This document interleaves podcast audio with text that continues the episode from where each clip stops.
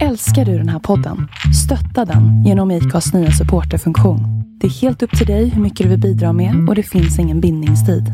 Klicka på länken i poddbeskrivningen för att visa din uppskattning och stötta podden. Life is full of what ifs. Some awesome, like what if AI could fold your laundry? And some, well, less awesome, like what if you have unexpected medical costs? United Healthcare can help get you covered with Health Protector Guard fixed indemnity insurance plans. They supplement your primary plan to help you manage out of pocket costs. No deductibles, no enrollment periods, and especially no more what ifs. Visit uh1.com to find the Health Protector Guard plan for you.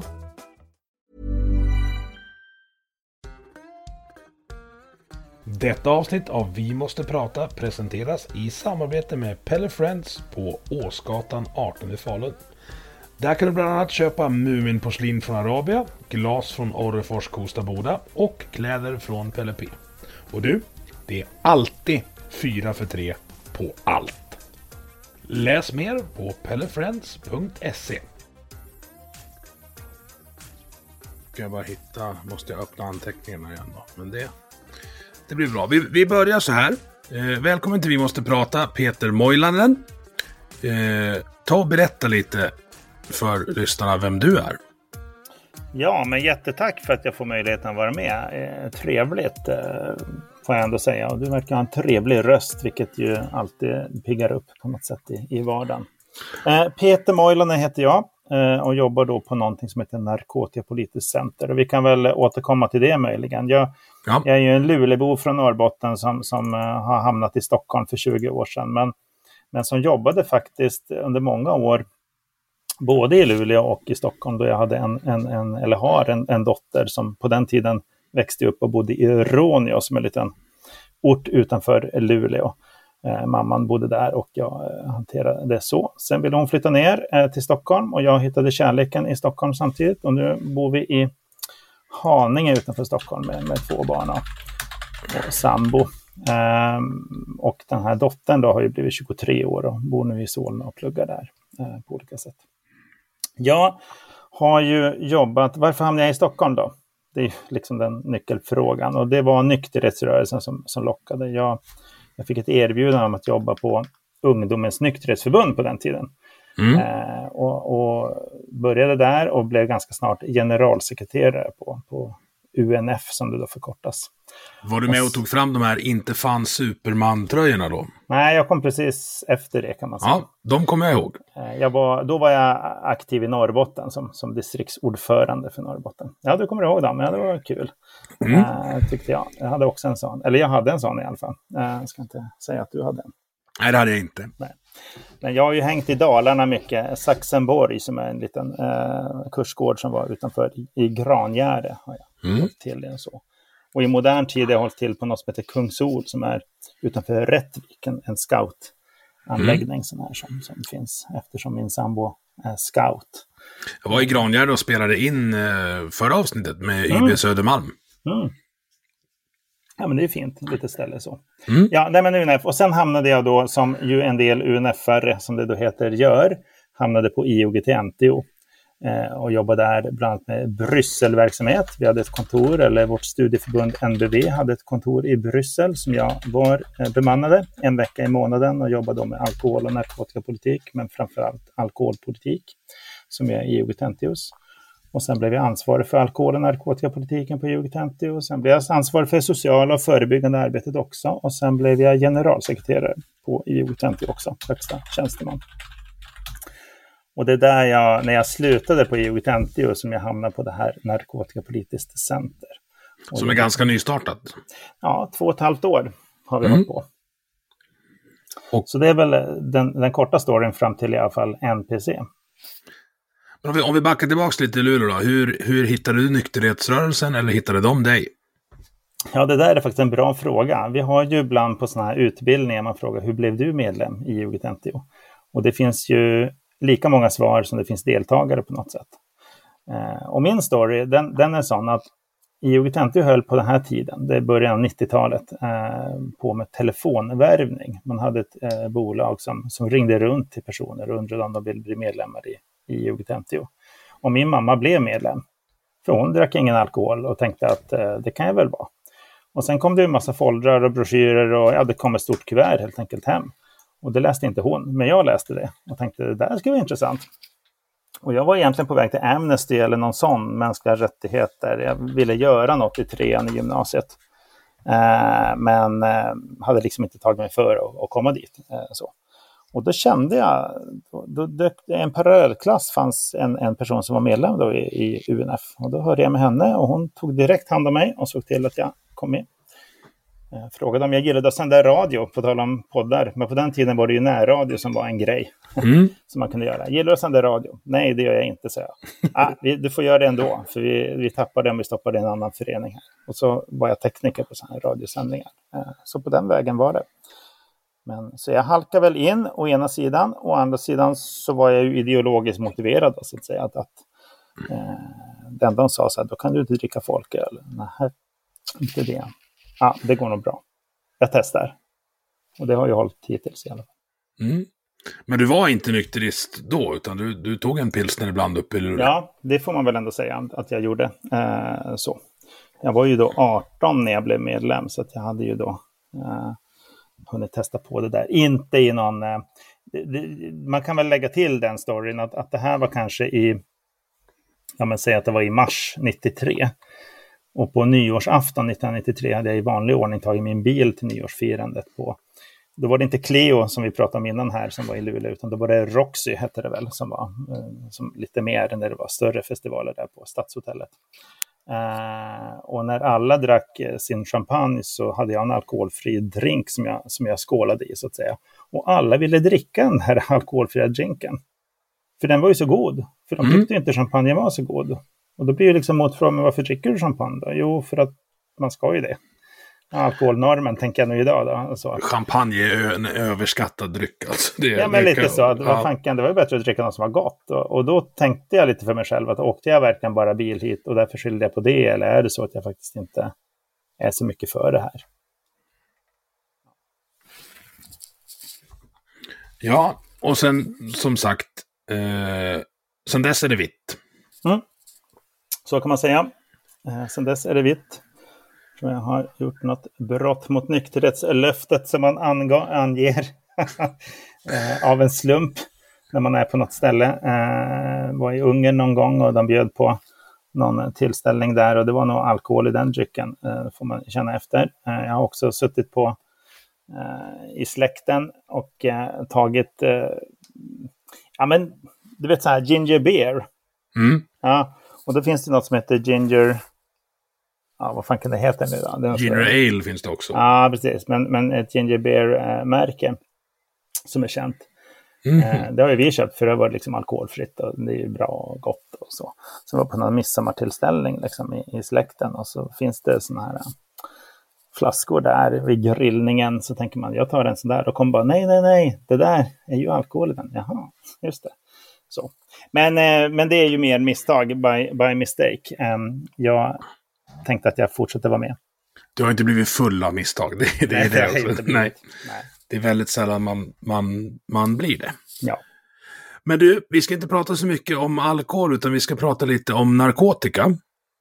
Uh, för det är så jag har, har hittat dig, ivrigt, jag ska, inte säga, jag ska inte säga svingandes på Twitter, men duckandes för svingar kan vi kalla det då.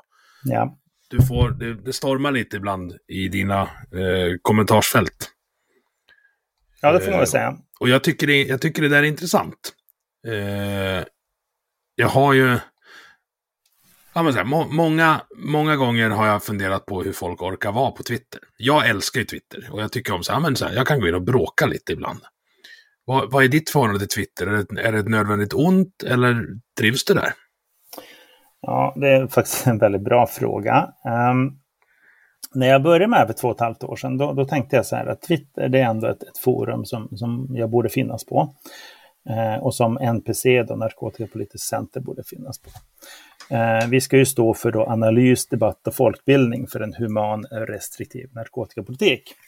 Och då är det ju eh, rimligt att finnas på ett sådant debattforum där det finns politiker och, och andra beslutsfattare och journalister och sådär. Eh, det var liksom tanken. Eh, och jag hade nog hört av, av företrädare eller personer som har funnits där med Twitter, det blir bara pajkastning och det inte funkar inte så bra. Så jag hade nog ändå en idé om att jag skulle föra en diskussion och, och föra resonemang och så med, med, olika personer. Och så. Och det har jag egentligen fortfarande, att, att jag ändå ska kommentera alla ja, men seriösa aktörer som finns där. När du ställer frågor om, om konsumtionsmönster och så, då svarar jag på det eh, och för ett resonemang. Liksom. Men sen ganska snart så insåg jag att det finns ju ett antal personer på Twitter som ju inte är där för att föra debatt eller diskussion faktiskt. Utan, utan mer, ja men det är mycket skärmdumpar, lösryckta saker, enskilda meningar som ska medvetet eller omedvetet misstolkas. Och, ja men det, det är liksom lite tröttsamt kan jag tycka. Det bidrar mm. inte till någon diskussion, det bidrar inte till någon debatt. Och några av dem har jag ju också försökt att, att svara genom åren, eh, hur jag ser på det, hur jag tolkar det. Men uppfattar ju då att, att då får ju det jag säger, det gäller ju inte så att säga, eller det, det, ja, det håller inte, tycker de. Eh, det är fel svar, hur det nu kan vara det. Och så återkommer liksom samma skärmdump eller samma fråga, samma grej som jag hanterade för ett år sedan eller ett och ett halvt år sedan. Då återkommer det. Liksom. Då blir jag faktiskt lite trött.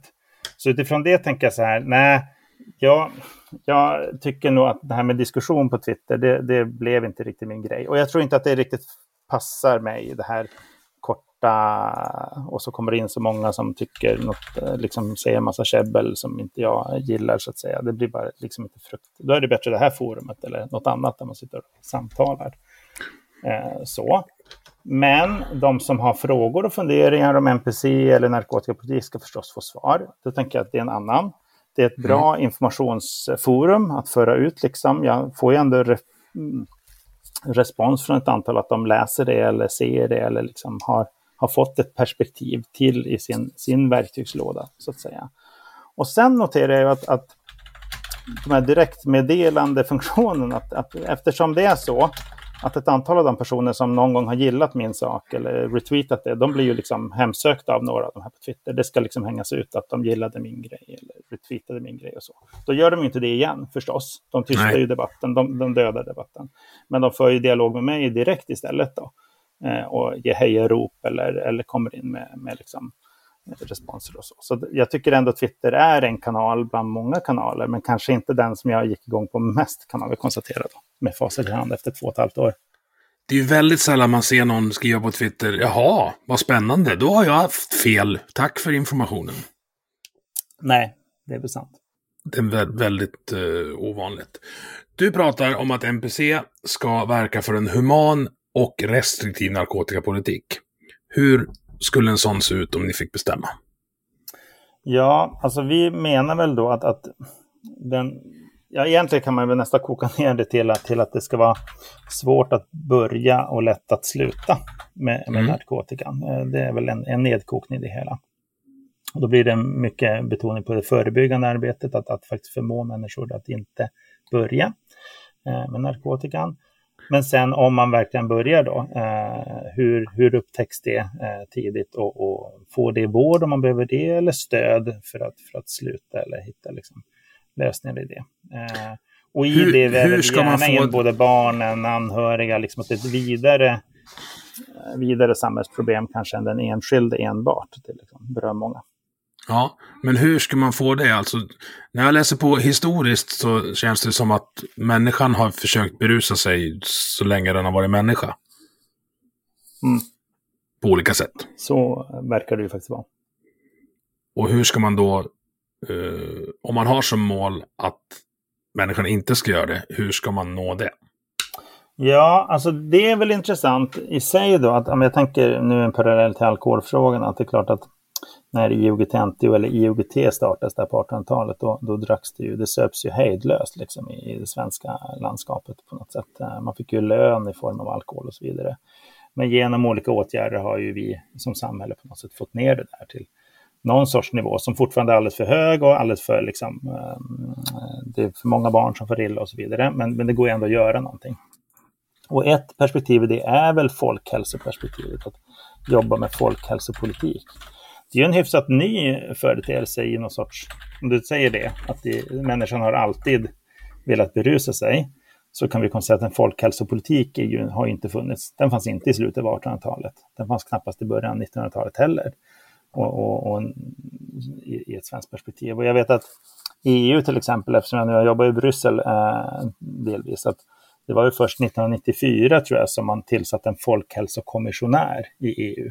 Så EU har ju funnits sedan 50-talet, men, men det var först då som man kom fram till att folkhälsofrågan måste vi ändå gemensamt hantera och fundera över det.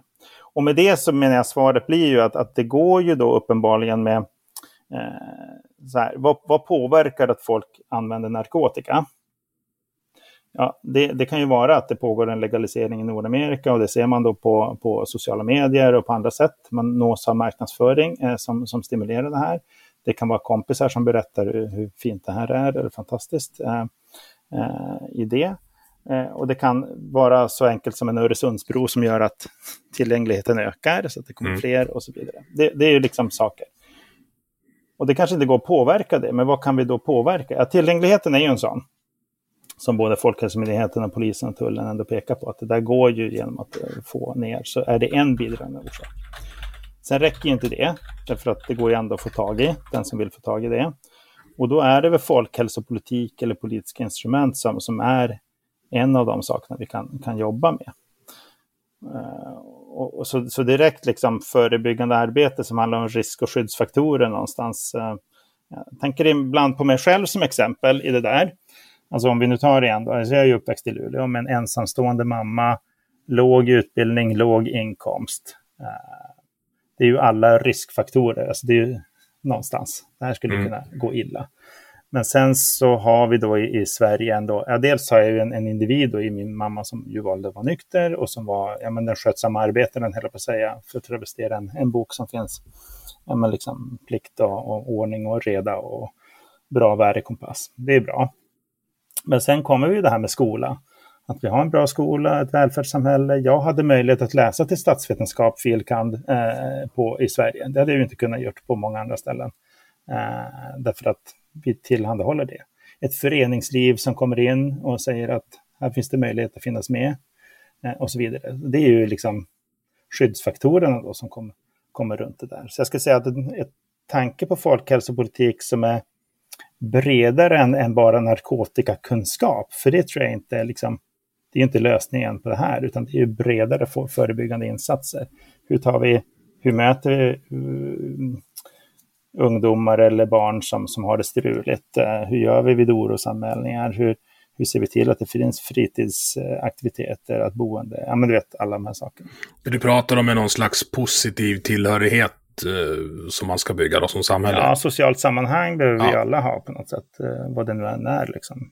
Det finns ju det där berömda exemplet med råttorna och kokainet. Att så länge, så länge det inte fanns en boll inne i buren så tog de kokain om de hade. Mm. Men fanns det en boll och en annan råtta så minskade liksom Brukar, nu, är, nu är inte vi råttor, men vi har ju ganska mycket Nej. gemensamma eh, DNA med dem ändå. Men det finns ju något i det där. Alltså, det är väl ändå så att ett samhälle som där människor känner socialt sammanhang och vi har en drägligare tillvaro och så vidare, inte har en utsatthet, det minskar ju ändå behovet av, av narkotika i någon sorts eh, större perspektiv. Det betyder ju inte att det inte finns i alla samhällsklasser och så vidare, verkligen. Det finns ju personer som har allt, allt bäddat för sig men ändå inte mm. Eh, klarar det. Men så kan det ju vara. Men, men eh, som helhet tänker jag att det, det, går att göra med förebyggande politik, med större välfärdsinsatser eh, och sen förstås eh, tidig upptäckt och liksom hitta på det och tillgänglighetsgrejer. Det är det där mm. vi kan ta kontroll över någonstans. Och göra. Jag, vill, jag vill stanna lite på tillgängligheten där, för mm. där, där är en sak som när jag läser på, på er webb och läser vad du, vad du har skrivit på Twitter, som jag inte riktigt får ihop. För ska man vara frank, tillgängligheten ute där jag bor nu, så är det lättare för ungdomar att få tag på framförallt cannabis än att få tag på sprit.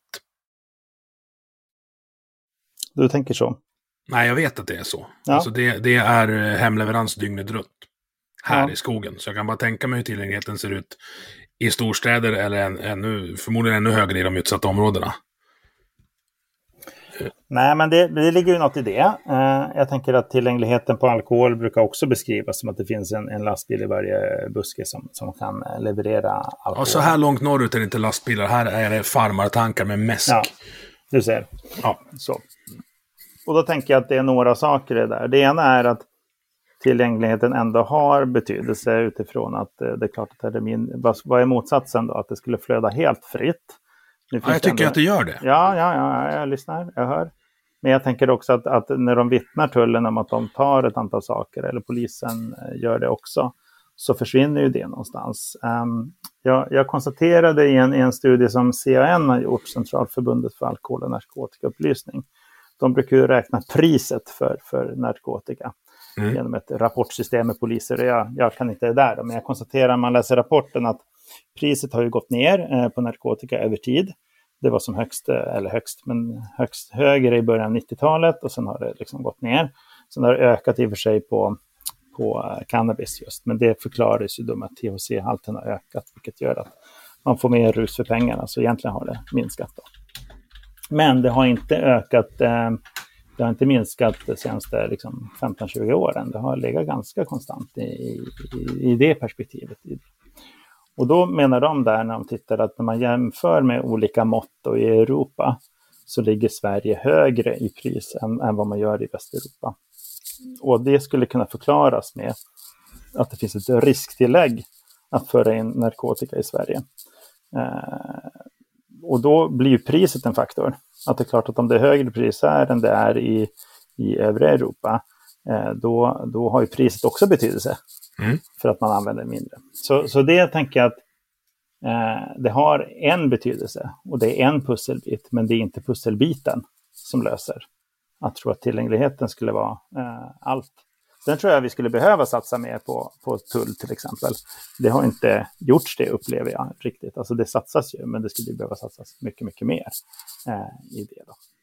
Men, men, men, men, då blir ju förstås nyckelfrågan tillbaka till dig eller till liksom i, i, i, det samtalet. För jag noterade det här också. Jag var förra året i Lund och hade en debatt tillsammans med ett antal eh, personer. Och så kom den här frågan upp förstås. Att, att eh, tillgängligheten finns överallt. Men lik förbannat så använder ju färre narkotika än, man, än vad man använder alkohol. Och det är då man kommer in på det här med att det finns andra faktorer. Eh, förebyggande men inte minst ett förbud till exempel. Eh, så. För även om man kan få tag i det så tar ju de flesta inte att få tag på det. Nej, och det, där, det var ju där vi började, eller bråka gjorde vi inte, men det var där jag började interagera med dig på Twitter när du berättade, när du skrev att, mm, mm. att bruket är lågt. Just det. Och, och då hamnade jag på den här uh, avloppsstudien från Stockholm. Där det ju var det. alltså 1,4 miljoner doser cannabis per vecka. Just det. Det är ju inte lågt i en stad med 800 000 invånare i min värld. Nej, och då, då är ju svaret just på avloppsmätningar är ju lite luriga, eh, framförallt på cannabis förstår man då på EUs narkotikabyrå att det där är svårt att, att mäta. Eh, framförallt är det på doser. Jag tänker just hela den där, det var det här veckans brott va, som, som hade en, en, stor grej. De samlade halm, halmbalar som de gick in med. Eh, och så kom de fram till det här. Med. Dels är ju dosmåttet, hur mycket är en dos? Det är ju mm. en fråga. Eh, I just Stockholm är det lite speciellt, för det är de som reser in i Stockholm. Alltså slår man det på antalet invånare så är det inte riktigt sant en tisdag, därför att eh, det kommer ju att komma in personer i Stockholm som, som bor någon annanstans. Eh, så. så det blir liksom inte ett rättvist mått i det. Eh, över det. Men just cannabis säger de ju själva eh, i just narkotikabyrå att det är svårt att, att mäta, framförallt i exakta doser. Ja, men de kan ju mäta trenden i alla fall. Och trenden men trenden är... kan man verkligen mäta. Det vet jag. Gävle har ju jobbat mycket med det här. Eh, Gävleborg och Gävle. Och de har mätt till exempel, de mäter tror jag fyra gånger per år. Nu kan jag ljuga här, men jag tror att de gör ganska många. Det är en relativt billig metod. Eh, och så gör man det vid samma tillfälle, alltså gör man samma vecka varje år, mm. så ser man ju någonting. Till exempel kunde de i Gävle se då att, att eh, förr, när det nu var, så fanns inte kokain. Det var på julafton, alltså julhelgen som det kom kokain mm. när de gjorde. Och det förklarar de med att hemvändare, ja, precis. Ja. Men nu ser de kokain över hela året. Ja, då kan man ju dra en slutsats av det och göra någon insats i, i det där. Då. Så och jag, vad ska man göra för insats då? från det, men kanske inte att mäta ut exakta doser liksom, på personer. Nej. Men oavsett exakt hur, hur doseringen, jag köper inte lågt. Alltså jag, jag vet hur vanligt det är här och jag ser ju i, i ja, bara i den, den, vad ska jag säga, expanderade bekantskapskretsen så är det ju eh, folk pratar ju om det på ett sätt nu som jag inte upplever att de gjorde för tio år sedan. Mm. det var ju tio år sedan jag var ute i svängen som mest, alltså innan fru och barn och så. Mm. Och då, jag, jag hade aldrig sett någon typ av drog förutom eh, öl och hembränt eh, förrän jag var 35. Så någon, någonting har ju hänt. Jag har inte bytt bekantskapskrets. Nej, just det. Nej, men så, och så är det ju. Jag tänker det här med lågt blir ju alltid vad är lågt då i förhållande till vad? Och jag tänker några saker. Det ena, när jag säger lågt, då menar jag dels jämfört med alkohol och tobak. Eh, ja. Så, det är trots allt så. Att det, det kan jag köpa. Ja. Alltså, lågt, lågt i jämförelse ja. kan jag köpa. Och sen är det ju då jämfört med andra europeiska länder så, så tycks vi ligga lågt när det gäller cannabis framför allt. Då. Eh, och även eh, antalet som överhuvudtaget liksom har prövat. Sen är det ju svårt med, med den typen av enkätundersökningar som kanske att nå personer som använder heroin eller amfetamin eller kokain. Liksom. Det, det blir, ja, jag tror inte folk vågar svara ärligt på nej, dem heller. Fin, nej, men där finns, nej, precis, där finns det ju en del i, i det då. Uh, utan det är igen, man ska nog inte titta på absoluta talet, man ska titta på trenderna. Men det är klart att det säger någonting om det är 3% som svarar cannabis, men det är 85% som svarar alkohol. Att det ändå För... finns någon skillnad här i det. Men du, har ju, du har ju en uppförsbacke. Alltså du, du slåss ju mot en, en porträttering av cannabis i, i kultur, framförallt eh, Hollywood och annan amerikansk kultur. Och sen sprider det sig en legaliseringsvåg, eller avkriminaliseringsvåg över Europa. Det var, Norge stoppade ju sin här nyligen, ja. men det, eh, det känns som att du har en uppförsbacke. Ja, jag ska bara avsluta det där bara ja, för att få, få ihop tråden där. Så, så, när jag säger lågt så menar jag det i förhållande till andra. Däremot är det helt klart så att det har ökat. Alltså när du tittar tio år tillbaka i tiden så är det ju fler. Även om 3% eller om det är 5 eller det, det, är liksom lågt jämfört med alkohol eller Europa, så är det ju högre än det var för tio år sedan. Alltså, Ö, är, ökar skadorna ju... linjärt med konsumtionen? Vi har ju så himla dålig koll på, på det där, det, det, kan vi återkomma till. Men jag kan ju bara säga det att jag tycker att kunskapen om, om konsekvenserna av narkotika är ju låg i det här landet. Uh, vi, vi vet ju väldigt lite tycker jag. Uh, vi har ju, ja, så. Så man kan väl inte riktigt säga det. Och det har ju att göra med det illegala naturligtvis, att det är svårt att mäta, som du säger, och, och, och träffa på och så vidare. Uh, men, men så jag tycker det är en svår fråga att svara på faktiskt. Du ska få en ännu svårare fråga, ja. för det blir en liten sam samvetsfråga så här. Jag, jag har en tendens att se mönster i, i saker och ting. Jag får en känsla av att, inte du som person, men kanske någonstans i NPCs organisation så har det tagits ett beslut på att trycka ut det här att eh, det är lågt för att efter en eventuell avkriminalisering, när folk blir mer öppna med sitt bruk, kunna säga att här ser ni, vi hade rätt, det, det sticker nu. Ja, det finns nog inget sånt. Eh, Nej, okay. Nej, men det ska jag säga på en gång att det finns det inte. Däremot varför det är viktigt att säga att det är lågt. Dels är det ju viktigt utifrån uh, att inte uh, trissa upp sig och tro att det finns överallt, som du är inne på, då, om det faktiskt inte finns överallt. Så. För folk använder inte det överallt. Däremot finns det vissa kretsar eller vissa eh, kluster och så vidare. Men det verkar inte alls vara på samma sätt som, som för alkoholfrågan. Därför är ju det viktigt. Men det är också viktigt eftersom det, det kommer in då just den här misslyckade narkotikapolitiken. Och då tänker jag att när det gäller just konsumtionen så tycks vi ändå ligga lågt då, jämfört med andra länder. Så där tycks vi göra någonting rätt i, i politiken. Det finns stora utvecklings, utvecklingsfaktorer kan man ju säga. Eh, dels att det ligger för högt, för det har ändå ökat. För det finns ju andra faktorer som gör att det liksom slår in sig, behöver komma ner. Men framför allt finns det ju kring dödligheten och, och hur funkar liksom beroendevården, vårdkedjan? Folk, det där kan man diskutera mycket om. Men då blir det en diskussion om, om, om, om jag menar, de som har ett intresse av att visa att vi inte ligger lågt, utan vi ligger som alla andra, det är ingenting konstigt alls. Eh, en del av dem har ju också en, en, en agenda att, att eh, eh kullkasta den narkotikapolitik vi har när det gäller grundfundamenten. Vad är den agendan alltså? Vad, vad går den ut på? Vad är vinningen där?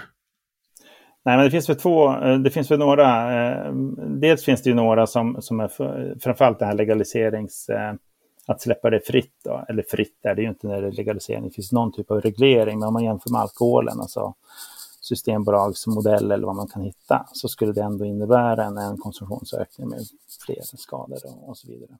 Jag tycker avkriminalisering som du andas vid, den, den är liksom den är inte lika enkel om man får uttrycka det så. Um, där uppfattar jag inte att, att uh, de som är förespråkare eller som vill utreda det i alla fulla fall är ute efter att uh, öka konsumtion eller det ska bli lättare för folk att använda det, utan det handlar mer om det här med vård och behandling och, och möjlighet att söka stöd eller, eller liksom i det. Jag tycker det är en annan eh, logik av kriminaliseringen jämfört med legaliseringsfrågan. Jag tror att det är väldigt få, även av de eh, legalisering och systembolagsmodellsförespråkarna, som har någon ond intention eh, i det här. Jag tror att, alltså min, min intention i det hela, jag vill ju bara att folk ska må bra. Ja. det är liksom, nej, nej, ond eh, ska jag inte säga att det är. Men det är klart att om, om, om, om man, till exempel om, om man tycker att vi har ju ändå ett förhållningssätt till alkoholen. Det blir ju lätt att jämföra med alkoholen någonstans. Vi har ett förhållningssätt till alkoholen där där man kan fira eller man kan ta sig eh, en öl eller man kan liksom i olika, det finns många goda sammanhang eller glada sammanhang där alkoholen förekommer. Eh, om man då applicerar det på, på narkotikafrågan eller cannabisfrågan så, så skulle man ju kunna tänka sig att det, det finns det inte just nu då. Liksom, det finns ju ändå ett förbud. Då. Man ska inte använda det. Och även om vi skulle avkriminalisera så är ändå intentionen, det är förbjudet. Jag har nog sett en del glada killar som har rökt. Ja, ja, ja men de, de, och då finns det ändå en del förespråkare som menar att det här borde vara precis som alkohol, kunna finnas. Och jag menar att det ska vi inte göra, för att eh, konsekvenserna av alkoholen har vi sett. Alltså även om vi ser det i glada tillrop så är det rätt många som far illa. Och det är väl inte så himla sunt med, med alkoholen eh, överlag. Jag har, en... vi, har vi chansen att inte släppa fram fler saker som, som kan orsaka den typen av lidande eller skador, då ska vi ta den chansen att inte göra det. Ungefär. Där vill jag faktiskt säga emot. Alltså, jag har kompisar som är så jävla dåliga på att dricka sprit. Alltså de blir eh, arga och, och ska slåss. Men jag har mm. sett några av dem eh, röka gräs och de, är, blir bara, de vill bara kramas och äta chips. Nej, men så, så är det. På individnivå så finns det ju absolut sådana varianter. Men var, varför ska staten då bestämma vad de... Borde inte de veta själv bäst vad som är bäst för dem? Nej, det tror jag faktiskt inte att de vet det. Kan det, säga. På jag ett, visste att vi skulle komma hit. På, här... nej, men på ett folkhälsoperspektiv så, så tror jag inte de vet det. Uh, nej. Nej, men det finns ju jättemånga saker som är farliga på riktigt som är tillåtna. Mm. Alltså, jag kör motorcykel, det är fullkomligt livsfarligt. Jag hoppas att min fru inte lyssnar på det här. Puckelpist och bergsklättring utan rep är också livsfarligt. Men det förbjuder vi inte. Nej. Nej. Nej, och ett samhälle måste ju ta liksom, ansvar för, för vad som ska förbjudas eller inte förbjudas. Eh, vissa saker får man ju göra. Puckelpist får man väl antagligen göra bäst man vill, när man vill. Och då får vi ju ett antal eh, skador på det förstås, som, som måste hanteras av välfärdsstaten. Eh, vi såg ju nu i covid-19-tider här när där man nästan inte vill att folk ska komma på sportlov för man belastar ju vården då eftersom vi vet mm. att de som åker så. Eh, Medan ju då motorcykel är ju ändå körkort och, och ett antal eh, regleringar kan man ju säga i, i, det fallet. Eh, mm. alkohol har vi det, medan vi har några saker som, som vi inte tillåter i, i samhället. Jag tycker, inte, jag tycker inte det är så konstigt att, att samhället har någon sorts eh, fundering över farliga saker och att man på något sätt hanterar det. Eh, och bestämmer. Varför ska man tillåta ännu fler farliga saker bara för att vi har några andra som är farliga saker? Um, ja, min poäng där liksom är, att, är att folk får ju ut någonting av, av det farliga. Ja, men, men så är det. Det är jag helt med på. Att eh, de flesta som använder narkotika får väl någonting positivt av det. Eh, stora delar av tiden i alla fall. Eh, så. Och men hur gör du skillnad då på bruk och missbruk? Ja, det finns det ju ändå, eh, tänker jag. Det finns ett, en skillnad där. Alltså en majoritet av de som använder narkotika har ju inte och kommer inte att ha eh, utvecklat ett missbruk eller ett beroende. Eh, det är ju helt klart. Och så är det ju alkoholfrågan med. Så vad är problemet med deras konsumtion? Ja, de bidrar ju då till, till en kultur där, där fler kommer att använda. Det är, det är ju ett, en jämförelse med alkoholen igen. Eh, alltså de flesta som använder alkohol har ju inga bekymmer. Varför ska de betala skatt, gå till Systembolaget, inte få köpa efter klockan ett på krogen om de så vill det? Nu börjar det låta som mig. Nej, men, men det, det, det, är en filosofisk fråga, varför ska man inte få det? Jo, därför att man i solidaritet med de som faktiskt inte klarar det här eh, ska betala mer. Eh, får ta sig lite, det ska vara svårt och krångligt. När det gäller just narkotikan så ligger den ju då lågt utifrån det vi resonerar om och då verkar det dumt att släppa till det så att säga. Så det blir en sån, därför det finns ändå konsekvenser med, med, med alkoholen som, som vi har sett. Uh, eller vi väljer ju ofta att inte se det i alkoholfrågan, i min bild. Därför att det är relativt få. Uh, men det är klart, det är relativt många därför det är så pass många. Jag tror jag läste någon sån här uh, studie som ett antal organisationer hade varit med och tagit fram tillsammans med CAN igen. Då. Ja, det är ju någonstans 400 000 barn då, som upplever ändå negativa mm. effekter av, av sina föräldrars alkoholkonsumtion. Det är, ju skulle... någonstans, det är någonstans det vi tycker är okej okay i ett samhälle. Och jag tänker att vi inte ska tillåta det när det gäller fler saker. Ehm, det är ju egentligen ett misslyckande att vi har hamnat där på alkoholfrågan. Och då menar jag inte att vi ska förbjuda alkoholfrågan, för det går ju inte, tänker jag. Vi skulle, skulle alkohol komma nu så skulle den aldrig tillåtas, om den skulle Nej. lanseras som Nej, men det är det jag menar. Skulle det komma nu skulle det aldrig tillåtas. Men det är klart vi inte kan, och det är det jag menar med det här att, att va, samhället måste ta Samhället måste ta varje sak som, som dyker upp och hantera det och fundera över det. Alkohol, ja okej, okay. då har vi hittat en lösning på det. Uh, Fast den funkar jävligt lösning. dålig, den alkohollösningen, om du säger att 400 000 ungar... Ja, jag, tycker, jag tycker den är för dålig. Men jag inser ju att så länge 85 procent använder alkohol och, och, och lyssnar till... Uh, vi, vi sitter vid samma bord på nyårsaftnar och, och pratar upp alkoholfrågan, jämför olika drycker med varandra och tycker att det här är på något sätt väldigt fint. Ja, men så länge det är så, så skulle inte förbud funka. Och då ska vi inte förbjuda alkoholen eh, just nu, så att säga. Det skulle ju uppstå ett annat läge om det var ett annat läge.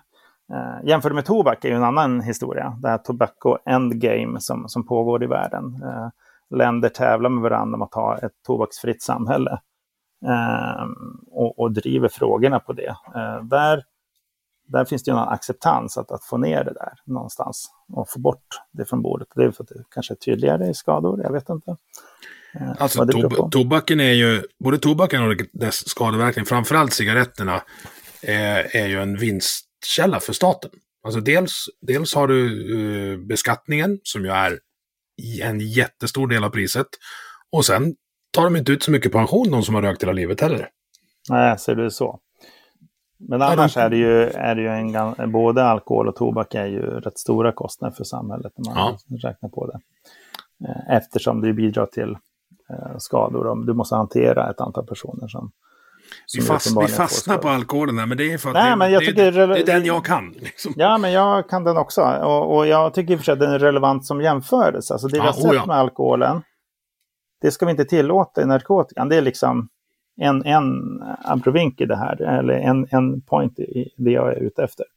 Men då måste jag få prova, prova en, alltså så här, tror du att Systembolags införande, alltså, alltså ja, motboken som blev Systembolaget, mm. är det bra eller dåligt för, för den totalkonsumtionen av alkohol som vi har i Sverige?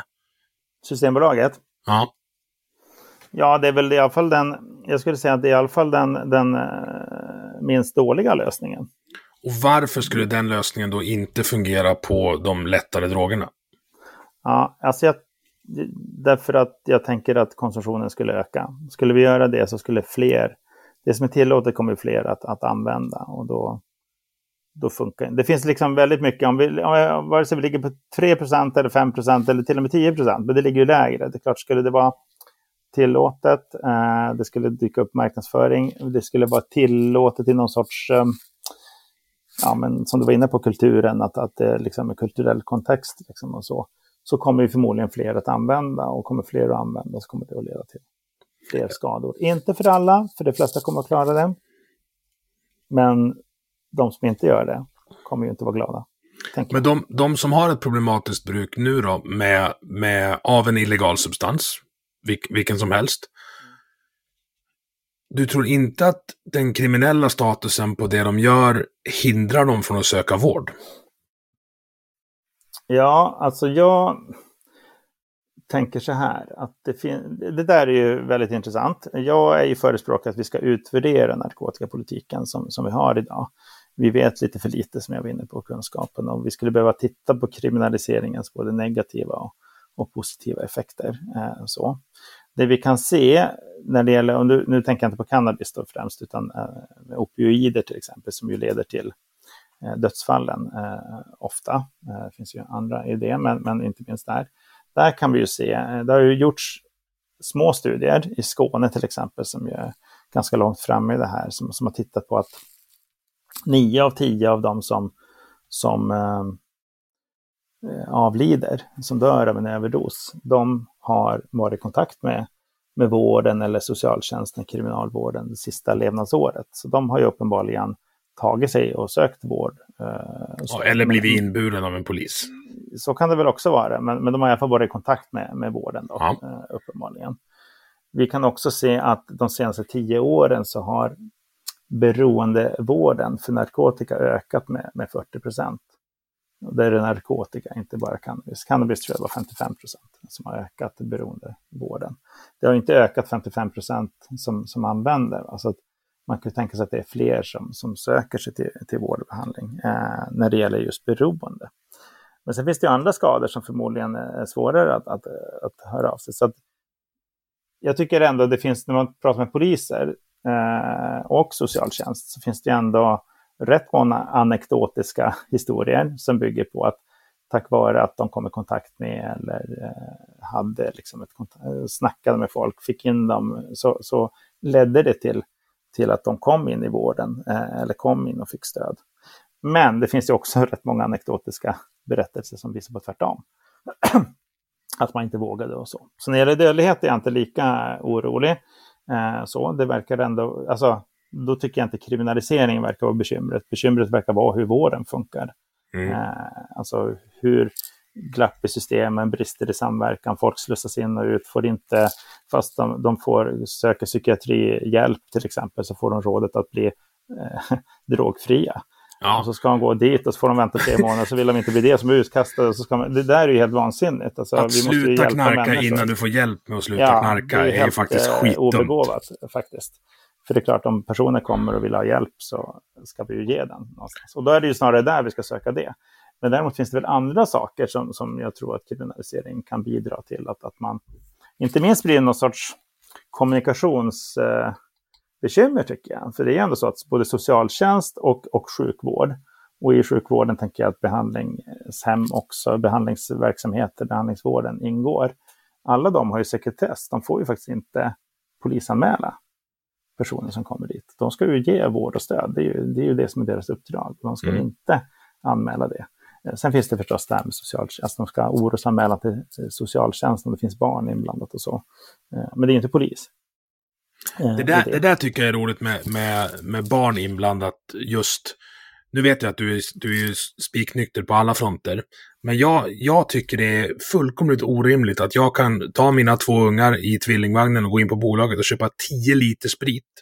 Och ingen höjer på ögonbrynen. Men skulle, jag, skulle någon komma på mig med 5 gram hash, då är det orosanmälan. Mm. Jag ser inte rimligheten där. Nej. Nej, man får ju titta på de exakta i, i det där skulle jag säga. Att det är klart att köper du frekvent den alkoholen så hamnar du förmodligen någonstans till slut där det blir diskussion om, om det då. Eh, och, och, det är inte säkert att det alltid är på 5 gram hash, eh, att det skulle vara eh, på det sättet, tänker jag. Jag tänker också så här, du sa att du har anekdotisk, eh, eller en, en del anekdoter från polis och socialtjänst. Är inte det lite som att diskutera bilkörning med grabbarna som kör bärgningsbil? Hur tänker du? De kommer, socialtjänst och polis kommer ju oftast i kontakt med de som verkligen har ett problematiskt bruk. Mm. Ja, men så är det ju. Eh, så, men ja, och det var väl lite av det jag var inne på. Att det är klart, alla kanske inte, alla kommer inte söka, om vi nu har 300 000 som använder cannabis, så kommer inte alla de att söka vård eller stöd. Alla behöver ju inte det, det kan jag vara tydlig med. Men jag bara tänker i något perspektiv. Ändå. Men det är väl också ett svar till den här lågkonsumtionshistorien, att det tycker vi ofta hör de historierna från poliser eller fältassistenter. Som det blir bara värre och värre, går ner i åldrarna och fler och fler som använder. Men det är klart att de ser ju också precis de som kanske råkar mest illa ut. Eh, I de breda folklagren är det inte på det sättet. Så, så visst, man måste ta det i beaktande. Den här bärgningsbilsliknelsen är ju bra där. Sen är det ju ingen, vad jag, vad, jag har inte hittat någon, och jag har researchat rätt mycket sen jag fick, fick tag på det här, som förespråkar att det ska vara lagligt för 14, 15, 16-åringar att, att uh, nyttja någon drog. Nej. Men som det är idag så finns det ju ingen reglering alls över hur, hur och var och vad de får tag i. Ja, de, det är ju inte tillåtet för dem heller. Nej, nej, nej, men det, alltså de får ju tag på det bevisligen. Ja, men ja, jo, så är det ju. Samtidigt tänker jag om det skulle vara legaliserat skulle de ju också få tag på det. Jag tänker ett, ett uh, rum, rum, lite längre in på bolaget med kanske 25-årsgräns. Ja, det vore väl, ska man ha en åldersgräns så är ju 25 bra. Det är, ju, det är ju där någonstans. Och då är frågan, skulle vi politiskt klara av det? För det som skulle inträffa då, du har ett rum inne på bolaget, du har 25-årsgräns. Då kommer ju, och det är väl det vi ser från de som har legaliserat eh, over there, om man får uttrycka så, alltså i Nordamerika. Det vi ser är ju att, att de som eh, är under då, 21 är det väl där oftast, eller 20 år, de köper ju ändå narkotikan illegalt. Och så mm. fortsätter den här illegala historien. För det är klart att om, om, det är många unga som, som använder det, unga vuxna, så kommer ju de att fortsätta köpa det illegalt. Om de gör det idag. I så fall så har vi inte kommit åt det. Men det vi har kommit åt är förmodligen att fler vuxna skulle börja använda istället.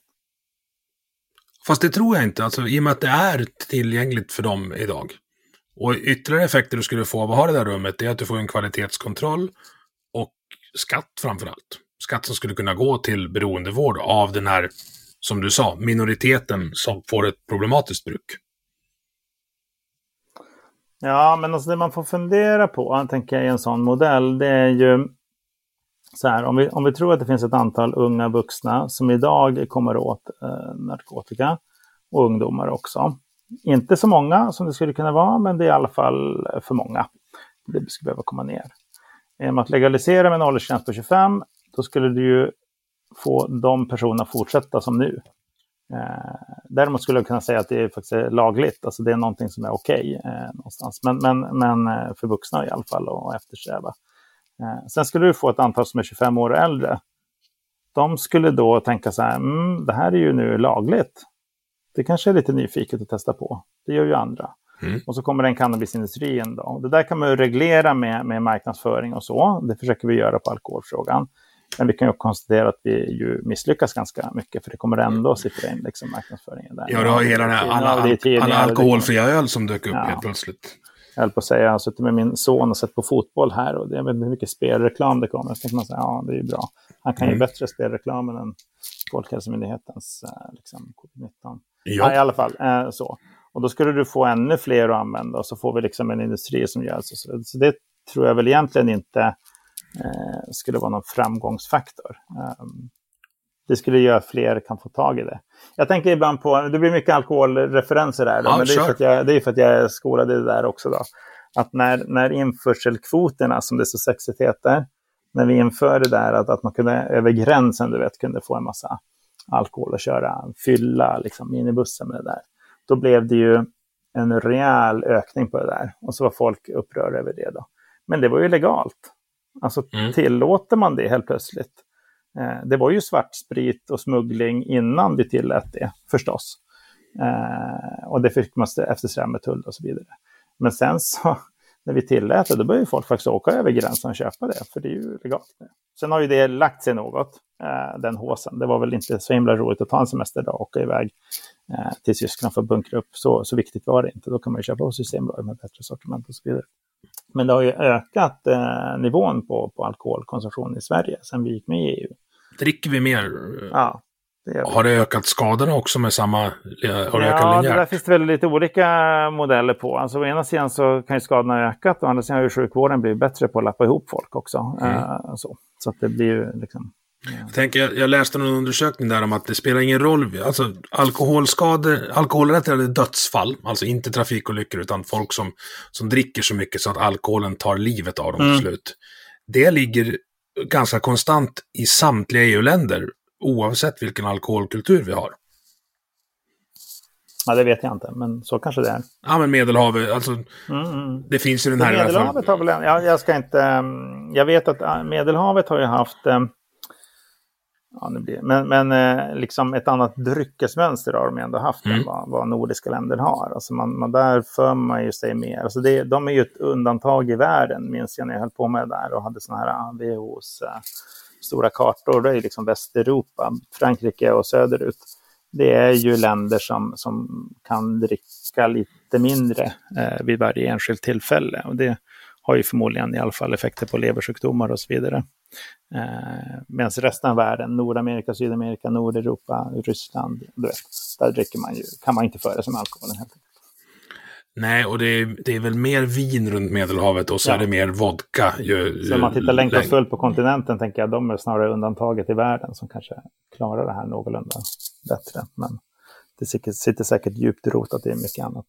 Mm. Vi, går, vi går tillbaka till narkotikan och, Yes. och eh, de problematiska brukarna. Min, min syn på det hela, och den har ändrats jättemycket de senaste åren. Jag, jag ser så här. Eh, det är skillnaden på bruk och missbruk. Alltså har du ett oproblematiskt bruk så ser jag inte att det finns ett problem. Det hörs på namnet oproblematiskt bruk. Har du ett, och då ser jag inte varför du ska straffas för det. Och har du ett missbruk så är ju det jag vet, jag vet inte vad din inställning till ordet beroendesjukdom är, men jag, jag landar där ändå. Mm. Och de... Det, jag har inte hittat någon vetenskaplig grund för att det går att straffa bort en sjukdom. Nej, och då, ja, innan vi går in på det här så ändå en kommentar från min sida. Då. Alltså jag har inga problem med beroendesjukdom med det begreppet eller liksom sjukdomsliknande tillstånd så när det gäller beroende. När det gäller missbruk, det finns ju lite olika nu för tiden har de ju DSM-5 och det är DSM-4 och du vet ju substanssyndrom och det, Mm. det finns många liksom eh, läkarmässiga korrekta definitioner, men som ju är väldigt svårt folkligt att, att diskutera. Och då hamnar vi ändå i missbruk och beroende. Då. Så låt gå för det. Och personer som inte har det. Det tänker jag, det finns liksom en kontext i det. Däremot har jag lite svårare för begreppet oproblematisk och problematiskt eh, bruk. Då. Därför att vad är ett oproblematiskt bruk? Det är ju inte så att, att det är missbruk och beroende som är de enda bekymren som vi ser med, med, med narkotikan. Det är ju trafikförseelser som, som uppstår. Det är ju sjukdomsfrånvaro på arbetsplatserna eh, dagen efter kanske man har gjort någonting. Det är ju barn som, som inte tycker det här är så himla roligt. Det är gängkriminalitet. Ja, du förstår. Mm. Så den har jag lite svårare med. Men, men, men, men jag kan ju ändå svara på när det gäller personer som har ett beroende, ska man straffa dem då? Det, det är ju ändå en, en, ligger ju i den pipen. Och det andra du hade var de som inte då har det. De skulle då eh, inte heller behöva straffas, om jag uppfattar det rätt. Ja, Just det.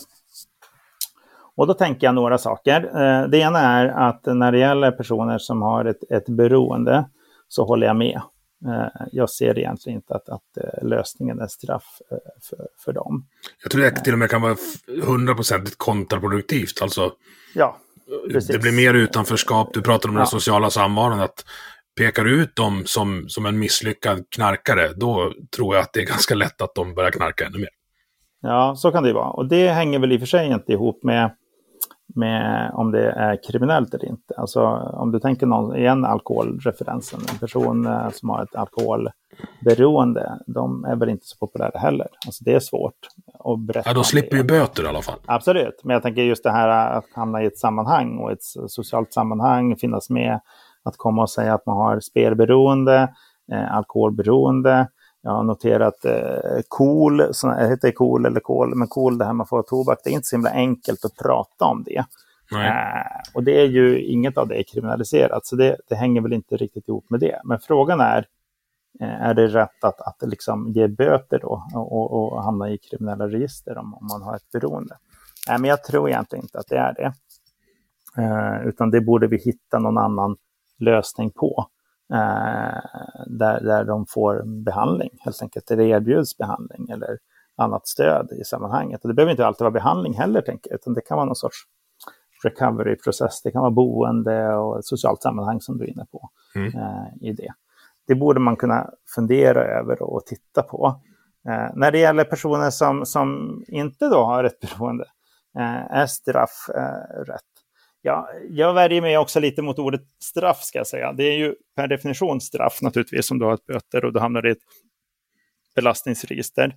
Men det är ju någon typ av sanktion som jag är ute efter att man skulle ändå ha. Eh, och jag tror att det där skulle kunna se väldigt olika ut eh, beroende på vem du är. Eh, idag så, så finns det ju någonting som heter straffvarning. Om du är under 18 år, mellan 15 och 17 år. Inte alla, men ganska många som, som eh, ertappas med narkotika. Eh, det handlar om ett samtal med socialtjänst, eh, föräldrarna, personen och så hittar man någon typ av vårdplan. Det heter ju vårdplan och vårdkedja, och så där, men det handlar inte bara om vård, det är ju stöd någonstans. Och gör du det där, då, då, behöver, då får du inga böter. Det där skulle man kunna utvidga, för det kanske är helt andra incitament man behöver för att, för att sluta. Mm. Men för vissa tänker jag att det faktiskt är bra med böter. Alltså är du, är du 25 år, har ett arbete, köper kokain, göder gängkriminaliteten och är på en fest på Stureplan. Ja, då kan vi få böter som en signal. Det tänker jag ändå kan vara det som behövs. Att, det, kan se olika, att det kan se olika ut här nu då eh, för personer. Och vi skulle behöva ha en, jag tänker mig att vi skulle behöva ha en, en, en liksom större portfölj som ser till individen och, och, det stöd eller det vård som den personen behöver för att eh, komma ur det här eller komma på andra banor eller komma in. Och det, det där skulle man kunna det finns ju ingenting i de här FN-konventionerna som, som, som reglerar det här förbudet, som, som förbjuder det. Tvärtom. Eh, så ser ju FN att man borde hitta andra sanktionsmöjligheter eh, och man kan hitta lite olika på skalan i det. Portugal är ju ett sådant exempel som brukar nämnas. Då. De har ju allt från samhällstjänst till, till att man kan eh, förhindras att möta vissa personer eller förhindras att gå till vissa ställen eller ja, behandling har de också då. Istället för böter. Det tycker jag låter jättebra. Jag vill bara lägga in i att, att eh, det ska vara frivilligt. För jag tror inte att du kan tvinga folk till att... Jag tror att den, den här organisationen du beskriver nu, den skulle jag, jag skulle älska om den fanns på plats och om den tar emot med öppna armar när någon känner att vänta nu, det här börjar gå åt skogen för mig.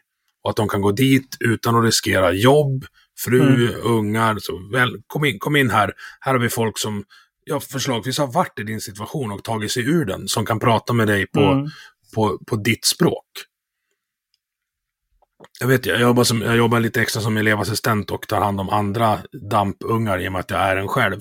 Och mm. de, de märker ju direkt när någon kommer in som liksom går, med en hjärna som går i takt med dem. Det blir mycket mm. lättare att relatera. Nej, men det tror jag också. men jag tror inte, jag tror inte att om, om någon har, känner att de börjar få ett problematiskt bruk och så står du där som kanske inte har så, någon förståelse för, för dem. Nej, nej, nej, nej förstås. Eh, inte just jag då, men, men det är klart att jag tror att det finns, det är väl en mix, tänker jag. Eh, alltså person, personer som har egen erfarenhet av olika saker är ju väldigt bra eh, att finnas med. Men det går ju också genom utbildning och, och erfarenhet på, på, i professionen också att finnas med. Det behövs väl liksom ett, ett samspel i det där. Mm. Eh, så.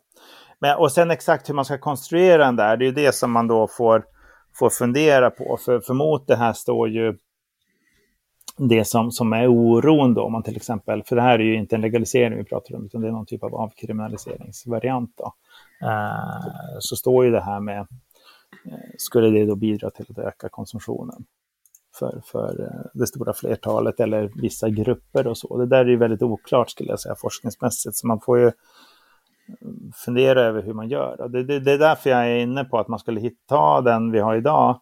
Man har ett förbud eh, och man, man, man kan skruva i hur man ska liksom, förändra påföljdsskalan eller sanktionerna, reaktionen från samhället eh, på något sätt. Det finns många olika varianter av, av kriminalisering i, i, i Europa inte minst. Och, och mycket handlar ju om att man har olika typer av sanktioner. Eh, men alla har ju någon typ av reaktion och de flesta har någon typ av böter, fast det är ju egentligen avgift då, kan man säga. Det är civil, civilrättsliga eh, mm. Just Portugal har väl en tvingande incitament. Det är lite märkligt där, att det, det hyllas ju ofta Portugal, att de har ju även de som inte kommer till sin behandlingsplats kan då få ytterligare en sanktion eh, för att motiveras eller komma till, till det. Då. Men man får ju fundera över exakta konstruktionen. Norge som du nämnde här, det, det är ju, jag tycker faktiskt att det är jätteroligt det som nu har hänt i Norge. För där var det ju, du vet, det var en sån här rusreform. Det, man, man tog ju verkligen och utredde frågan på eh, tvären och, och ledden. Men det enda det klickade ut i, det var en avkriminalisering, en gen generell avkriminalisering. De ska komma till ett möte och få information om att man kan få behandling, men också farorna med narkotikan. Och sen var det liksom inget mer. Eh, men det har liksom efter det stora folkflertalet sa nej, Eh, partierna sa ju nej till det där, eh, den stora majoriteten och många ja, Det var sossarna som sa att de skulle säga ja och sen sa de nej i sista ja, stund. De var ju positiva till, till att utreda frågan när det gäller just avkriminalisering, men blev väl lite fundersam när resultatet kom. För det blev ju precis det här som jag säger, det blev bara en generell avkriminalisering. Det blev ingen okay. förebyggarsatsning, det blev ingen satsning på behandlingsreform, det blev liksom ingen variation på sanktionerna. Om man nu tyckte att böter för alla är fel, så blev liksom lösningen ett samtal för alla. Och det är inte säkert det är rätt heller. Så. Och nu har de ju tagit initiativ där, eh, ett antal partier, och Arbeiderpartiet är en, men även Centerpartiet och andra, att, att driva liksom frågorna. De har ju tagit beslut nu om en god samaritlag till exempel, som jag är väldigt eh, förtjust i. Ja, berätta om den.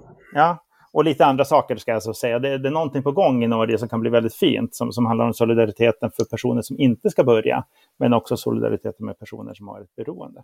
Ja, god samaritlag.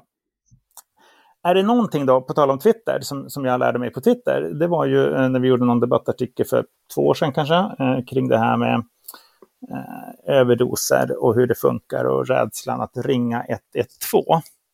Eh, det var nämligen så att SOS Alarm, de, de kommenterade och sa att det, det, vi, vi, vi bötfäller ju ingen. Ibland är polis med, men vi försöker inte göra något på det där.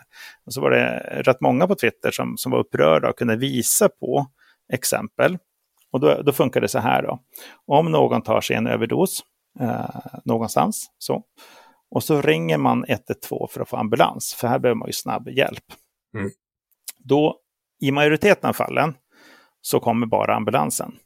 Men ibland kommer polis med. Och när polisen kommer med, då är det för att de ska låsa upp dörrar eller för att man bedömer säkerhetsläget som är dåligt för, för ambulanspersonalen. Då behöver liksom polisen hänga med. Då. Och när polisen kommer in genom dörren och ser en person som tagit en överdos och det finns ett antal personer där som uppenbarligen har narkotika, eh, är påverkade eller, eller har det i, i fickan, så att säga. Då är deras skyldighet att anmäla eftersom vi har ett sådant system vi har idag. Mm. Eh, så ser polisman att ett brott pågår så ska de förstås eh, anmäla det. Då är det ett antal poliser som inte gör det, för de tänker att rädda liv är det viktiga här. Så. Och ett antal gör som lagen säger, de, de anmäler det. En god samaritlag den bygger på att vid just det tillfället, vid en överdos, då räddar vi liv i första hand och bötfäller inte folk och anmäler. Eh, då tittar han bort. Ja, det låter ju ytterst vettigt.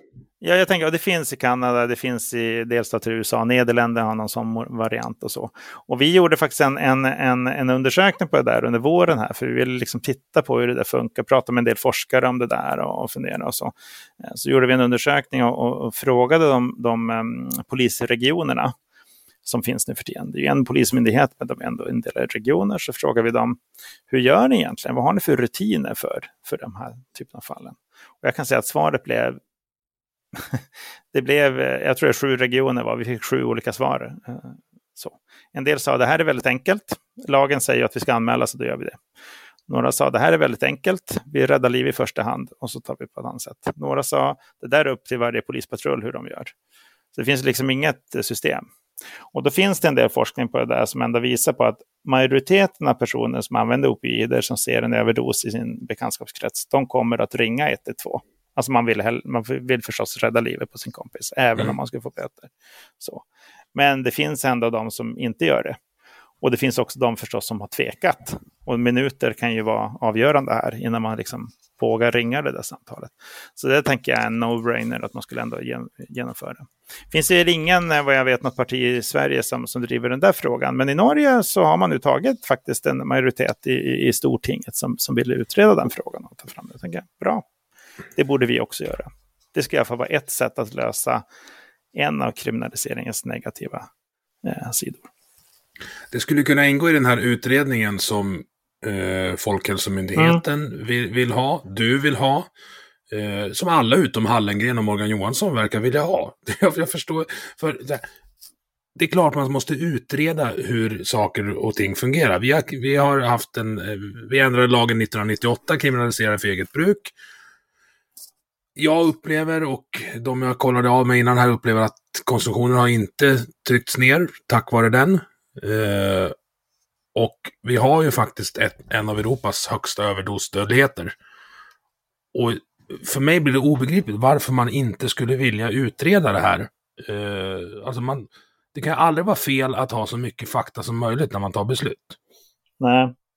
Och du vet att jag predikar för kören, för du sa att du ville utreda också. Ja, var, ja, var ligger motståndet? Jag ska, jag ska, jag ska um, nyansera bilden bara så att jag är ja. tydlig. Så inte några på Twitter sen kommer att säga det där stämde ju inte. Det, det kommer de garanterat göra ändå. Ja, nej, men så nej, men så här eh, tänker jag. Att, att um, jag vill, alltså om vi tänker utreda avkriminalisering så, så menar jag att det, just en generell avkriminalisering, att det behöver vi inte göra. Uh, jag, jag sympatiserar med regeringen där, man behöver inte utreda saker som, som man inte vill ha så att säga.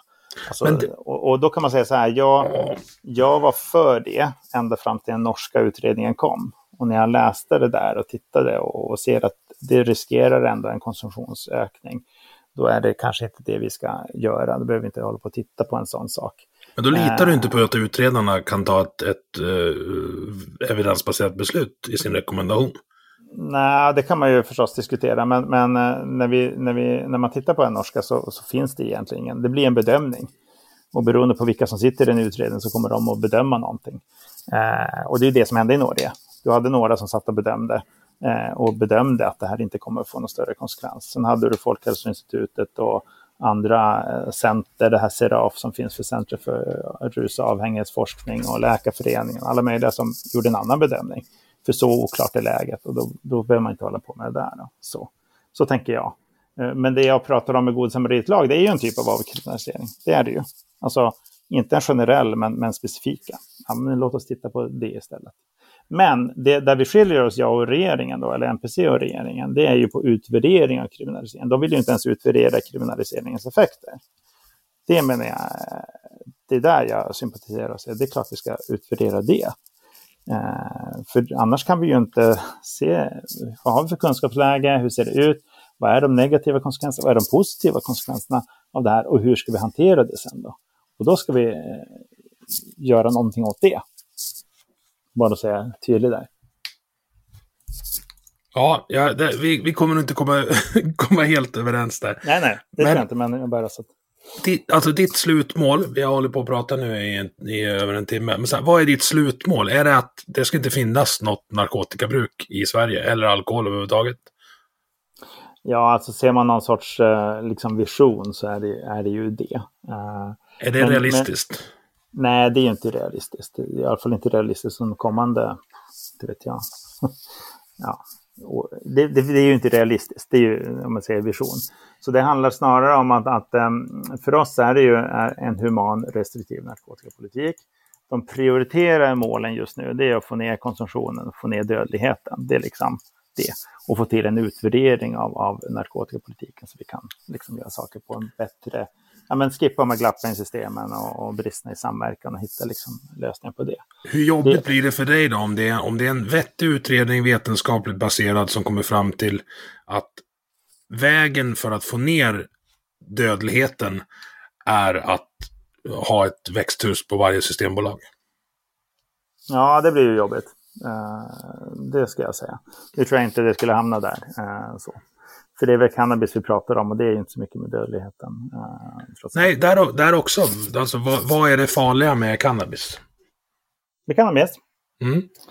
Alltså det, det är ju ett antal saker som ändå bidrar till. Vi har pratat om beroende. Du får inte säga gateway-teorin nu. Nej, nej, det tänker jag inte göra. Bra. Nej, nej. nej, nej jag, tänker, jag brukar använda tre saker tror jag minst. Vi ska se om det blir fyra här nu då. Men, men den, den, dels är det beroende, alltså missbruk och beroende. Det där är ändå dåligt, tänker jag. Eh, som leder till saker. Sen har vi eh, den som väldigt få då förstås eh, drabbas av, men det ökar ändå risken för, för psykoser. Eh, finns det ju i det. Men sen är det det kognitiva, liksom att, att vi har ändå ett antal personer som inte klarar arbetet eller inte klarar skolan fullt ut. Och det där eh, det tycker jag inte vi ska bidra till. Vi behöver personer som har både utbildning och, och, och, och yrke som, som fungerar bra i det. Och sen till det kan man ju tillföra det här barnperspektivet och, och runt omkring. Att det känns. Så jag tycker att det finns tillräckligt mycket där för att eh, hålla det lågt eller få, få bort det så att säga. Ja, jag, jag tror att, att de här fyra sakerna du räknar upp med en åldersgräns på 25 eller kanske ännu högre så försvinner de. Gör de inte det? Missbruk leder till saker, sa du. Vad, vad menar du med det? Nej, men jag menar det att, att, att det är klart att, att har du ett beroende eh, med, med olika effekter på det så är det väl ingen önskedröm hos människor. Och det kommer ju fortfarande hända personer som är över 25. Sen kommer det vara färre förstås eh, i, i det hela. Ja, du tog inte upp eh, det här med att föda gängen. Vad, vad är din syn på det? Gängkriminella, ja men så är det ju eh, förstås. Att, att eh, vi har ju ändå ett förbud idag och, och vill man, tycker man nu att, att gängkriminaliteten är eh, hög och att vi skulle få ner den, eh, ja det är klart att då är ju det självklara varit att inte stöd eh, köpa av dem så att säga. Eh, för det bidrar ju till, till en gängkriminalitet, verkligen. Men om man odlar själv då? Då slipper man ju den aspekten ja, i alla fall. Så, så är det ju. Om man odlar själv så, så slipper man det. Eh, däremot så kan man ju konstatera att, att eh, just eh, odlingarna verkar vara det stora bekymret i, i delstater i USA som har, har legaliserat. Det verkar vara där de har de stora... Att, det är så här, om, om man inte har tillåten odling, ja, då är det väldigt enkelt. Det är inte tillåtet. Mm. Så ser man en odling eller ser något i fönstret eller på en bakgård eller vad på i skogen, då kan man hantera det. Det som uppstått i, i delstater i USA, det verkar ju vara att det där eh, de stora maffialigorna sätter igång och, och göra storskaliga odlingar som de då sen säljer vidare och smugglar ut och, och för och så. Så hemmaodling verkar också bidra till, till eh, det bekymret så att säga. Ja. Och, det till, det, och då tillför det också, det tycker jag kommer bort den här legaliseringstanken. För det, det är ju ofta så att legalisering, då har man kontroll på åldersgränser och man har kontroll på öppettider och skatteintäkter och alla de här sakerna. Men det finns det ju inte på odling. Ehm, så det, det leder väl till andra bekymmer. Ja, men det finns å andra sidan inte på hemkokning av brännvin heller, vilket ju är en, en ganska stor prevalens både där jag bor och där du kommer ifrån. Ja, ja i och för sig minskat sen införselkvoterna ökades. Ja, och det är det jag funderar på om, om konsumtionen kanske är densamma men det kommer in mer från, från Tyskland. När vi gifte oss för två år sedan, då, eller tre, då åkte jag till Tyskland och köpte öl och mm. så. Det kändes ju svindumt att åka förbi Spendrups i Grängesberg på vägen hem med mm. saker som hade fraktats från Spendrups i Grängesberg ner till Tyskland. Ja. Eh, miljömässigt kanske inte det bästa eh, upplägget. Nej. Nej, men det var ju legalt. Så då kunde du göra det. Ja. jo, men det... Alltså, nu mäter vi i och för sig, just på den frågan så, så mäts ju det där och eh, det har ju ökat. Eh, det är väl det som har tillkommit så att säga, införseln så att säga. Vi, vi köper ju från Systembolaget men så har vi adderat det där också då. Eh, och då men hur mäts det? Alltså de gångerna mm. jag har åkt igenom tullen där, alltså det kommer 740 på bakhjulen som inte blir stoppade. Alltså med pallar. Ja, nej, men smuggling jag tänker jag att det finns ju någon storskalig, eller storskalig, men det finns ändå en smuggling. Det är ju ett bra exempel på där smugglingen igen, ungefär som en legalisering i, USA också, där, där det bidrar till smuggling. Du legaliserar införselkvoter, eller införselkvoter, du legaliserar införseln, då kommer ett antal smugglare som förut var väldigt enkla att stoppa, för de uh, hade ju, hade de alkoholbilen som var mer än två kassar, där om man nu fick bära, då var de illegala. Nu när de stoppar så säger de att det är för personligt bruk och där är det jättesvårt. Eh, så, så legaliseringen i sig göder ju så att säga en, en, en eh, svarthandel. Eh, men det jag pratar om egentligen, det var det som är det legala, det du gjorde. Det, det görs ju fortfarande så. Det tycker jag är ett ganska sedelärande exempel jag brukar använda när jag tänker på hur kunskap om narkotika är. Och du, du var inne på det här, har vi låg konsumtion eller inte? Ja, hur vet vi det? vi, gör ju, vi, vi, vi hanterar ju kunskapsfrågan på narkotika styrmoderligt jämfört med alkohol. Och det är ju därför som vi behöver göra de här utvärderingarna och hitta instrument eh, för det där på olika sätt. Eh, när det gäller just alkohol, då ringer vi fortfarande 1500 samtal varje månad. Mm. Ringer, eh, det är CN som gör det där nu för tiden. De ringer 1500 samtal till människor och så frågar de eh, om vart de har fått sin alkohol ifrån senaste månaden. Har de fört in det? Eh, har de köpt på Systembolaget eller på krogen? För folk kommer ihåg en månad tillbaka. Man kan inte fråga ett år. Liksom. Mm. Och då gör vi det, 1500 samtal varje månad. Narkotikan, det mäter vi vartannat år via en enkät. Det är klart att då får vi inte samma finkalibriga resultat som om vi gör det eh, oftare eller smartare eller tydligare. Och det tycker jag ändå är en, en historia i det. Så då vet vi ju, då hade du fått det samtalet så ja, då hade du svarat förmodligen sanningsenligt därför att eh, det ändå är legalt då. Och eh, du har ju ändå gjort det. Ja, oja. Så därför vet vi. Jag försöker alltid vara ärlig. Mm, det är bra. Eh, senast i den här enkäten så sa 8,2 procent av 17 till 29-åringarna att de använt cannabis de senaste 12 månaderna. Just det. det är alltså över 40 000 folk mellan 15 och 30. Det är jävligt många alltså. Det blir ju ändå individer, absolut. Ja. Så är det ju. Men det är klart att 8,2 är mindre än när det gäller alkohol. Ja, oh ja, oh ja. Så det är väl det. Men absolut, det är ju för högt. Det behöver ju gå ner. Det är därför jag menar att vi borde börja prata om det, att få ner cannabiskonsumtionen. Inte hur vi ska stävja det eller öka det eller släppa det mer fritt. Det, det är liksom inte det jag ser framför mig, utan hur, hur gör vi det då? Eh, och, och, en av dem som förvånades mig, jag är faktiskt lite förvånad ofta, jag har ju gått in med det här med öppna ögon och så läser man lite rapporter och tittar på det kunskapsunderlag vi har och så. Och då, då visar det sig till exempel att, att, när det gäller förebyggande arbete, jag vet inte, alla politiker pratar om förebyggande är viktigt. Det är förebyggande vi ska jobba och, och det är liksom versaler skriver om nästan, det förebyggande perspektivet är viktigt. Men det vi gör är att vi, vi avlövar det förebyggande arbetet. Alltså, de som jobbar som drogsamordnare eller, eller samordnare i förebyggande arbete, de har blivit färre. Och de som jobbar, jobbar mindre tid idag i kommunerna. Eh, resurserna som regeringen tillhandahåller det förebyggande arbetet har halverats på två år. Mm. Först kom den här MKD-budgeten där, du vet när det var regeringsstrul. Eh, och, och, då drog de ner eh, beloppen. Och då menar den nuvarande regeringen att ja, ja, men det var ju de som gjorde det. Men sen drog de ner lite till själv. De är väldigt bra på att skylla på varandra, de Eller, där regeringarna. Och så slutar med, jaha, men då är det ju inte viktigare än så här då. Eh, och det är klart att, att då kan man ju snacka om förebyggande. Men om det enda förebyggande som görs, det, det är liksom polisens insatser. Nej, men det mm. räcker ju inte, uppenbarligen. Det viktiga är ju, vad gör vi för familjestöd? Hur, hur jobbar vi här i skolan, i kommunen?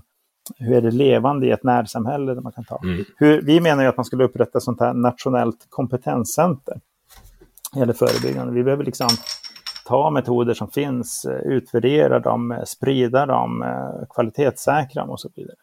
Det finns det många goda exempel, men de, de utvärderas ju inte.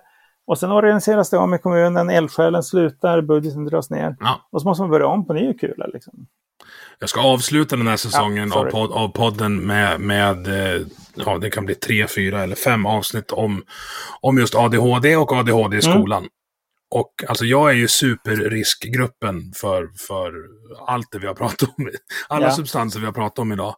Men just problemet som jag ser där, och nu, nu, nu byter vi ämne lite grann, mm. men det är att det är på två olika budgetar. Alltså elever som jag var, vi skjuts framför i skolan. För att när vi kommer ut ur skolan, då blir vi helt plötsligt eh, statens problem. Det vill säga vi hamnar i kriminalvården istället. Och vi är mycket, det är mycket dyrare med rättegångar och frivård och till slut fängelse än vad det är med ett par extra elevassistenter på varje skola som vet vad det handlar om. Precis. Börja där. Ja, det är det förebyggande liksom. Det är ändå, jag tänker på även på i narkotikafrågan för att dra det till det då, att, att det är klart, jag menar ju förstås att vi ska ha en, en, en uh, behandlingsvård som fungerar, uh, som är likvärdig runt om i landet som säger, jag menar, det ena är ju att vi har ju pratat mycket om det här, kan man tvinga folk till behandling? Ja, det, det, är en fråga man kan diskutera. Men vi vet ju också att det finns ett antal personer som vill ha behandling, mm. som inte får det. För det är inte nu i alla fall, det är sen. Jag har ju bott i Farsta här tidigare, det var ett fall som var där som är himla tragiskt. Liksom en, en man som uppenbarligen ville till Norrland någonstans på något behandlingshem och som inte fick det för socialtjänsten. Och när man blir nekad det några gånger, jag tog en överdos och så dog han. Så, mm. ja, om det ändå finns personer som vill, finns det så många exempel på hur de far mellan systemen och inte får eh, arbete, inte bostad och, och, socialt sammanhang sen då, när det väl, och de får inte ens en behandling. Och när du väl har gjort din behandling och kommer ut så får du en lägenhet kanske, men du får möta socialtjänsten om två veckor. Ja, så sitter du där ensam, vad gör du då? Mm. Ja, det där liksom behöver vi komma undan. Så det tänker jag absolut, det ska vi göra. Men det du pekar på här då, och som gäller även narkotikafrågan, det är ju så här, men likförbannat verkar det väldigt struligt att få det där att funka. Så det bästa är ju faktiskt att inte hamna där. Och då måste ju ett förebyggande arbete hottas upp och, och funderas över och, och tas på allvar. Jag tror nästan vi är överens så här på slutet. Ja, vad roligt. Men du, vi ska avsluta med segmentet Hur fel har jag? Där ska jag mm. tre stycken fördomar på dig. Ja, och du får uh, snabbt besvara dem och sen ge ett betyg 1 till 5 per fördom. Så maxpoängen är 15. Hur fel har jag? I samarbete med Solfamiljen. Uttrycket det narkotikafria samhället, det förstår du att den är, är en utopi, men du använder uttrycket ändå ibland för att det låter ganska klatschigt. Fyra kan vi säga där då. Ja, alltså du siktar, alltså, mot, siktar mot månen för att komma till trädtopparna, vad man ska kalla det. Ja, precis. Jag tycker ändå att det är klart man förstår att det är en vision, det är inte ett mål, men, men det liksom ger en riktning någonstans. Bra, då tar vi nummer två. Eh, det finns saker bland dina utkast i Twitter-appen som du absolut inte vill att någon ska se. Utkast, utkast, förlåt, ja, fyra. Ja. Ja, jag, tänker jag, har skrivit, att du, att, jag, har skrivit har... Mycket, jag har skrivit mycket effekt som jag inte har lagt ut. Jag, jag tänker så här, om du lackar ur på Fem snill... kan det vara. Du kan på, få fem. du lackar ur på snillet och så bara, nej men det här kan jag inte skicka. Nej, men jag har absolut skrivit saker. Och så är det i min mejlkorg också. Att jag, ibland, jag har ju varit generalsekreterare för UGT och ibland får man ju mejl som man tänker att oj, oj, oj. Och sen mm. så får man ju liksom fundera en dag och så blir det en annan ton i mejlet. Jag har, jag har en likadan utkastmapp kan jag säga. Uh, och så tredje, tredje då. Du förstår att gänget bakom hashtag knarktwitter egentligen också vill att så många som möjligt ska må så bra som möjligt. Ja, det är ju inte fem, men fyra i alla fall. Det var bra. Det är min högsta poäng hittills. Det ja, men du ser. Jag är ja. så himla lätt äh, läst. Ja, men jag trodde, ja. Jag är nöjd. Du, ja, eh, Peter, vi var lite överens på slutet, inte överens om jättemycket, men det är väl det som det här är meningen också, att man ska kunna prata med varandra. Även fast man inte tycker likadant. Tack för att jag fick låna dig en stund. Ja, fantastiskt. Trevligt att du tog dig tid, eller på att säga. Ja, det var, det var så lite så. Ja.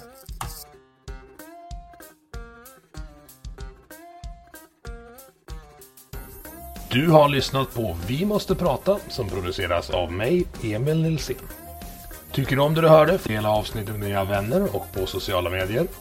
Vill du stötta podden kan du göra det via Patreon där du hittar den på patreon.com snedstreck vi måste prata i ett ord. Eller så swishar du en slant till nummer 123 671 46 79. Vi hörs!